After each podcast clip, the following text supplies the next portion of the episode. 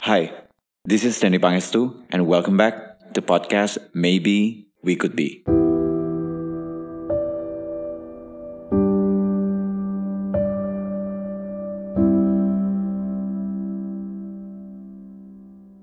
Maybe not in this lifetime. Ini adalah sebuah judul yang bikin gue auto tersenyum pahit. Apa ya yang gue rasain? Ada bagian hati gue yang mungkin patah, tapi somehow ada yang seakan-akan bisikin things are gonna be okay. Kayak mungkin gak di kehidupan kali ini aja gitu. Artinya ya nggak akan terjadi. Tapi menurut gue ada dua sih makna yang bisa dibawa. Yang pertama yaitu kalian tetap menaruh entah sedikit atau banyak pengharapan bahwa it can happen one time. Mungkin nggak kali ini atau kali-kali yang bisa gue bayangkan, but it will somehow. Atau yang kedua nih, we accept the fact as it is bahwa di kehidupan ini ya hal itu nggak akan terjadi. Hal-hal yang kedengaran pilu ini biasanya terjadi seputar harapan. Iya nggak sih? Atau gue aja ya yang emang masih berharap? Harapan ya bisa tentang apa aja sih? Kayak cita-cita, wish list, or maybe about someone. Anyway, di podcast kali ini gue mau share tentang salah satu momen yang hit gue dengan perasaan maybe not in this lifetime. Mungkin gue akan terdengar bucin sih dalam episode kali ini. Tapi yang gue harap dari teman-teman semua yang dengar podcast ini adalah agar bisa lebih berdamai dengan kenyataan. Ya kayak berat nggak berat, life must go on kan. Gue pernah mention di salah satu episode kalau well gue nggak punya jam terbang tinggi sih soal cinta. Karena somehow gue lebih mengutamakan logika. Mungkin kalau kalian dengar yang maybe we could be simpler in love juga. Terdengar logika gue lumayan dominan dalam sebuah relationship. Gue bener-bener anti ribet-ribet klub deh. Tapi bukan berarti gue gak pernah merasakan sebaliknya. Ya seperti manusia pada umumnya sih, pasti ada lah sisi rapuh yang pernah nguasain perasaan gue. Oke, throwback sedikit lah ya, jeng-jeng, ke cerita yang sebenarnya udah terjadi lumayan lama sih. But to memorize it always feels like yesterday. Jadi waktu itu adalah sosok yang spesial banget buat gue. Kenapa udah spesial terus pakai banget? Karena seiring berjalannya waktu, gue sadar kesan pesan gue terhadap dia nggak berubah sama sekali. Dia masih seistimewa yang gue kenal. Dia itu apa ya kalau gue gambarin ya? Seperti sosok orang yang disukain orang pada umumnya kali ya, termasuk gue. Kita sempat deket sekian lama, hubungan kita juga ya bener-bener kayak drama sekolah pada umumnya. Ngerjain tugas bareng, kadang pergi bareng, dan sebelum kalian ketiduran dengar cerita gue yang tadinya kedengaran convincing banget, tapi ternyata sangat umum ya. Gue pengen jelasin bahwa hal yang bikin dia sangat berkesan adalah pola pikir dan perilakunya ya gue merasa I've never met someone yang benar-benar berpola pikir sangat klik dengan gue, yet at the same time sangat supportive dan mengajak gue untuk jadi pribadi yang berkembang, dan bukan menuntut. Ketika ada kalanya si sosok yang menurut gue perfect ini, nunjukin sisi rapuhnya dia, gue bener-bener ngerasa di situ gue pengen banget ngelindungin dia. Dari apa pun itu deh. Tapi sayangnya bukan gue yang dapat kesempatan itu.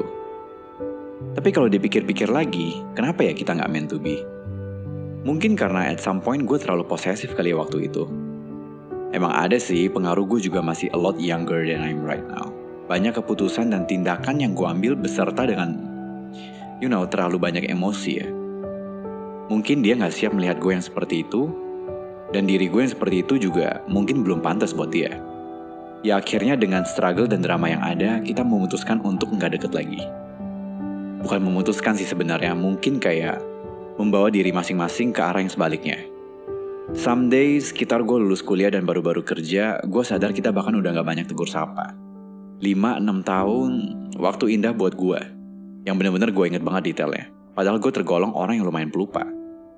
Sesaat setelah kita exit dari lingkaran pertemanan, tapi gak menuju tahap yang lanjut, melainkan mundur menjadi stranger. Gue merasakan periode patah hati pastinya. Hal yang membantu gue move on waktu itu adalah kemungkinan-kemungkinan yang gue bangun sendiri di kepala gue. Sebagai loncatan buat gue melalui masa lalu.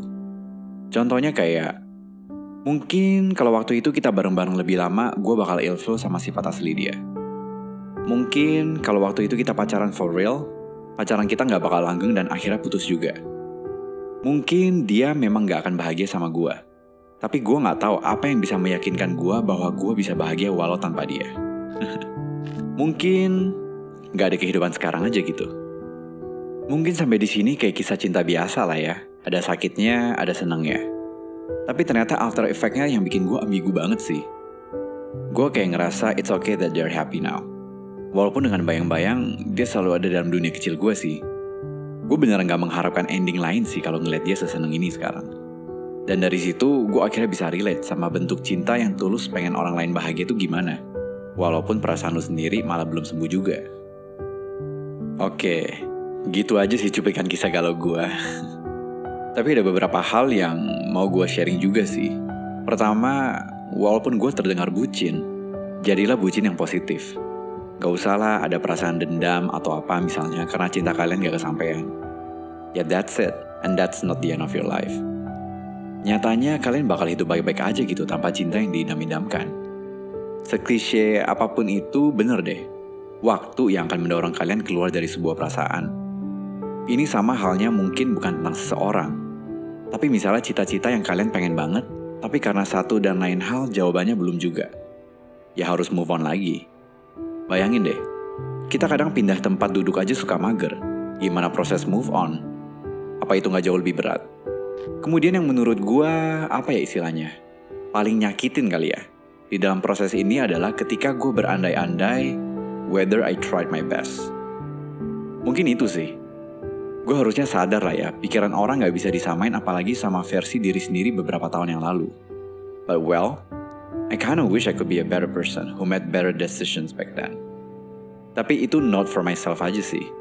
Always give your best effort, apa pun itu. Karena menurut gue pribadi, kesedihan karena gagal itu nggak setimpal dengan kesedihan karena lu penasaran gimana kalau lu mencoba dengan effort yang lebih daripada sebelumnya. Tapi once you tried your best and it's still not yours, you don't have any room to regret gak sih? Menurut gue sih, kayak gitu ya kira-kira. Baik, karena mood gue udah cukup merasakan kesedihan ke dasar jurang. Sesi kali ini gue sudahi sampai di sini. Again, semoga bermanfaat untuk kalian yang lagi mengejar ataupun merelakan sesuatu. Stay positive. Lakukan yang terbaik. Mudah-mudahan hasilnya nggak akan pernah mengkhianati proses yang udah kalian jalanin. Dan gue Sandy Pangestu, pamit undur diri. Bye-bye.